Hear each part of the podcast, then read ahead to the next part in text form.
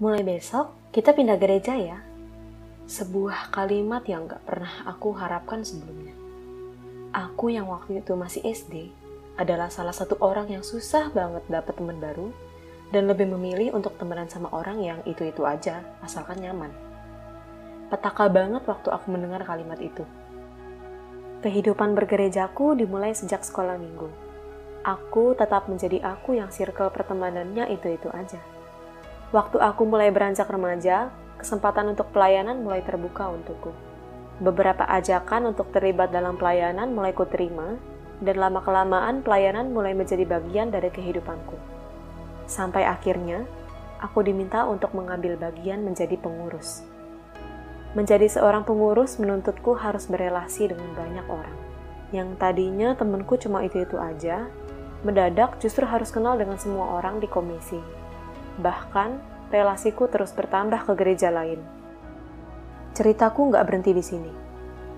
Pelayanan itu nggak semudah yang orang bilang. Memang, ada masanya aku sangat menikmati pelayanan ini. Tapi, ada juga masa di mana masalah mulai datang. Misalnya aja, seperti perbedaan perspektif dalam pergaulan.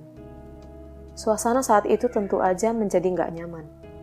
Ketidakcocokan dalam kelompok pertemanan bikin aku jadi mumet banget dan memutuskan untuk menyerah.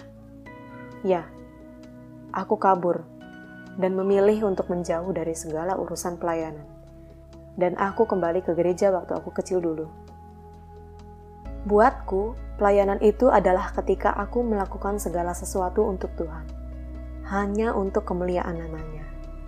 Jadi seharusnya ketika ada masalah dalam pelayanan, aku berusaha untuk menyelesaikannya dan kembali menikmati masa pelayananku. Tapi sayangnya, aku justru baru mengerti itu sekarang. Dulu yang kulakukan adalah menghilang. Dan aku sangat menikmati momen-momen ketika aku menghilang dari gereja tempatku terdaftar sebagai jemaat. Bahkan, aku sampai ada di titik untuk memutuskan. Oke, ayo balik ke gereja waktu aku kecil. Aku mau kok atestasi masuk ke gereja ini. Aku sangat menikmati waktuku saat menghilang. Aku pun juga merasa sangat suka cita pelayanan di tempat pelarianku. Sampai ada di satu masa, aku memang harus kembali lagi ke gerejaku bermasalah. Dan dengan sangat terpaksa, akhirnya aku kembali lagi ke situ. Rasa sakit hati dan kesal masih membekas karena sisa ketidaknyamanan selama pelayanan yang terakhir. Tapi, aku berusaha untuk gak menunjukkan itu ke siapa pun. Bahkan, aku berusaha untuk bersikap biasa aja. Sampai akhirnya umurku waktu itu mengharuskan aku untuk naik ke komisi berikutnya, yaitu komisi pemuda. Namun karena rasa kecewa dan sakit yang kurasakan lebih dominan, akhirnya aku memutuskan untuk gak bergabung di komisi pemuda, dan aku lebih memilih untuk menyendiri di kebaktian umum.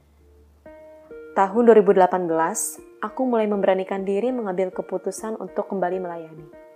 Dan beberapa bulan kemudian, aku ikut retret. Dan di situlah titik balikku. Akhirnya aku mulai membuka diri untuk semua orang. Berusaha untuk memaafkan masa lalu dan merelakannya. Akhir tahun 2019, aku sudah bisa pelayanan dengan nyaman dan sukacita di tempat ini. Sampai sekarang pun aku merasa semakin bertumbuh. Bahkan, sekarang aku bisa kumpul-kumpul sama semua orang yang dulunya aku merasa nggak cocok. Aku bisa menceritakan tentang apa yang terjadi di masa aku menghilang dulu, dan mentertawakannya bersama-sama dengan mereka. Dunia berputar, kehidupan relasiku pun ikut berputar. Orang-orang yang dulunya aku benci, justru sekarang mereka menjadi orang yang selalu siap untuk menjadikan tempat berkeluh kesah, tempat menangis, tempat bercerita, bahkan tempat untuk mencaci maki. Aku sadar, di lingkungan mana pun akan selalu ada ketidakcocokan, terutama untuk kita anak-anak muda. Lingkungan pertemanan tentu menjadi salah satu faktor untuk menentukan apakah kita akan bertahan atau enggak. Tapi, semua orang tentu berhak untuk memilih teman nyamannya masing-masing, bukan?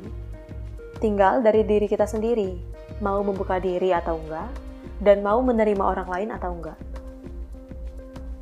Aku di sini juga berusaha untuk memfokuskan pelayananku hanya untuk Tuhan. Dan aku nggak mau menggantungkan kehidupan pelayananku karena lingkungan pertemanannya.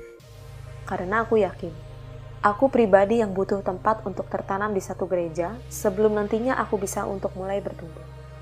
Satu keyakinanku, punya tempat untuk bertumbuh itu penting, sangat penting. Karena kita pada dasarnya memang gak bisa hidup sendirian dan akan selalu butuh support dari orang yang lain. Kadang kita memang gak bisa memilih, meskipun sudah mencari. Tapi satu hal, menerima adalah jalan keluar yang terbaik. Kalau aku bisa menerima orang lain, Tuhan juga nggak akan membiarkan aku untuk terus-terusan ada di lingkungan yang ternyata nggak menerima aku kan. Jadi, pada kesempatan kali ini, izinkan aku untuk bertanya satu hal. Sudahkah kamu punya tempat untuk tertanam dan bertumbuh? Kalau belum, yuk mulai membuka diri dari sekarang untuk mencari tempatnya dan bertumbuh bersama.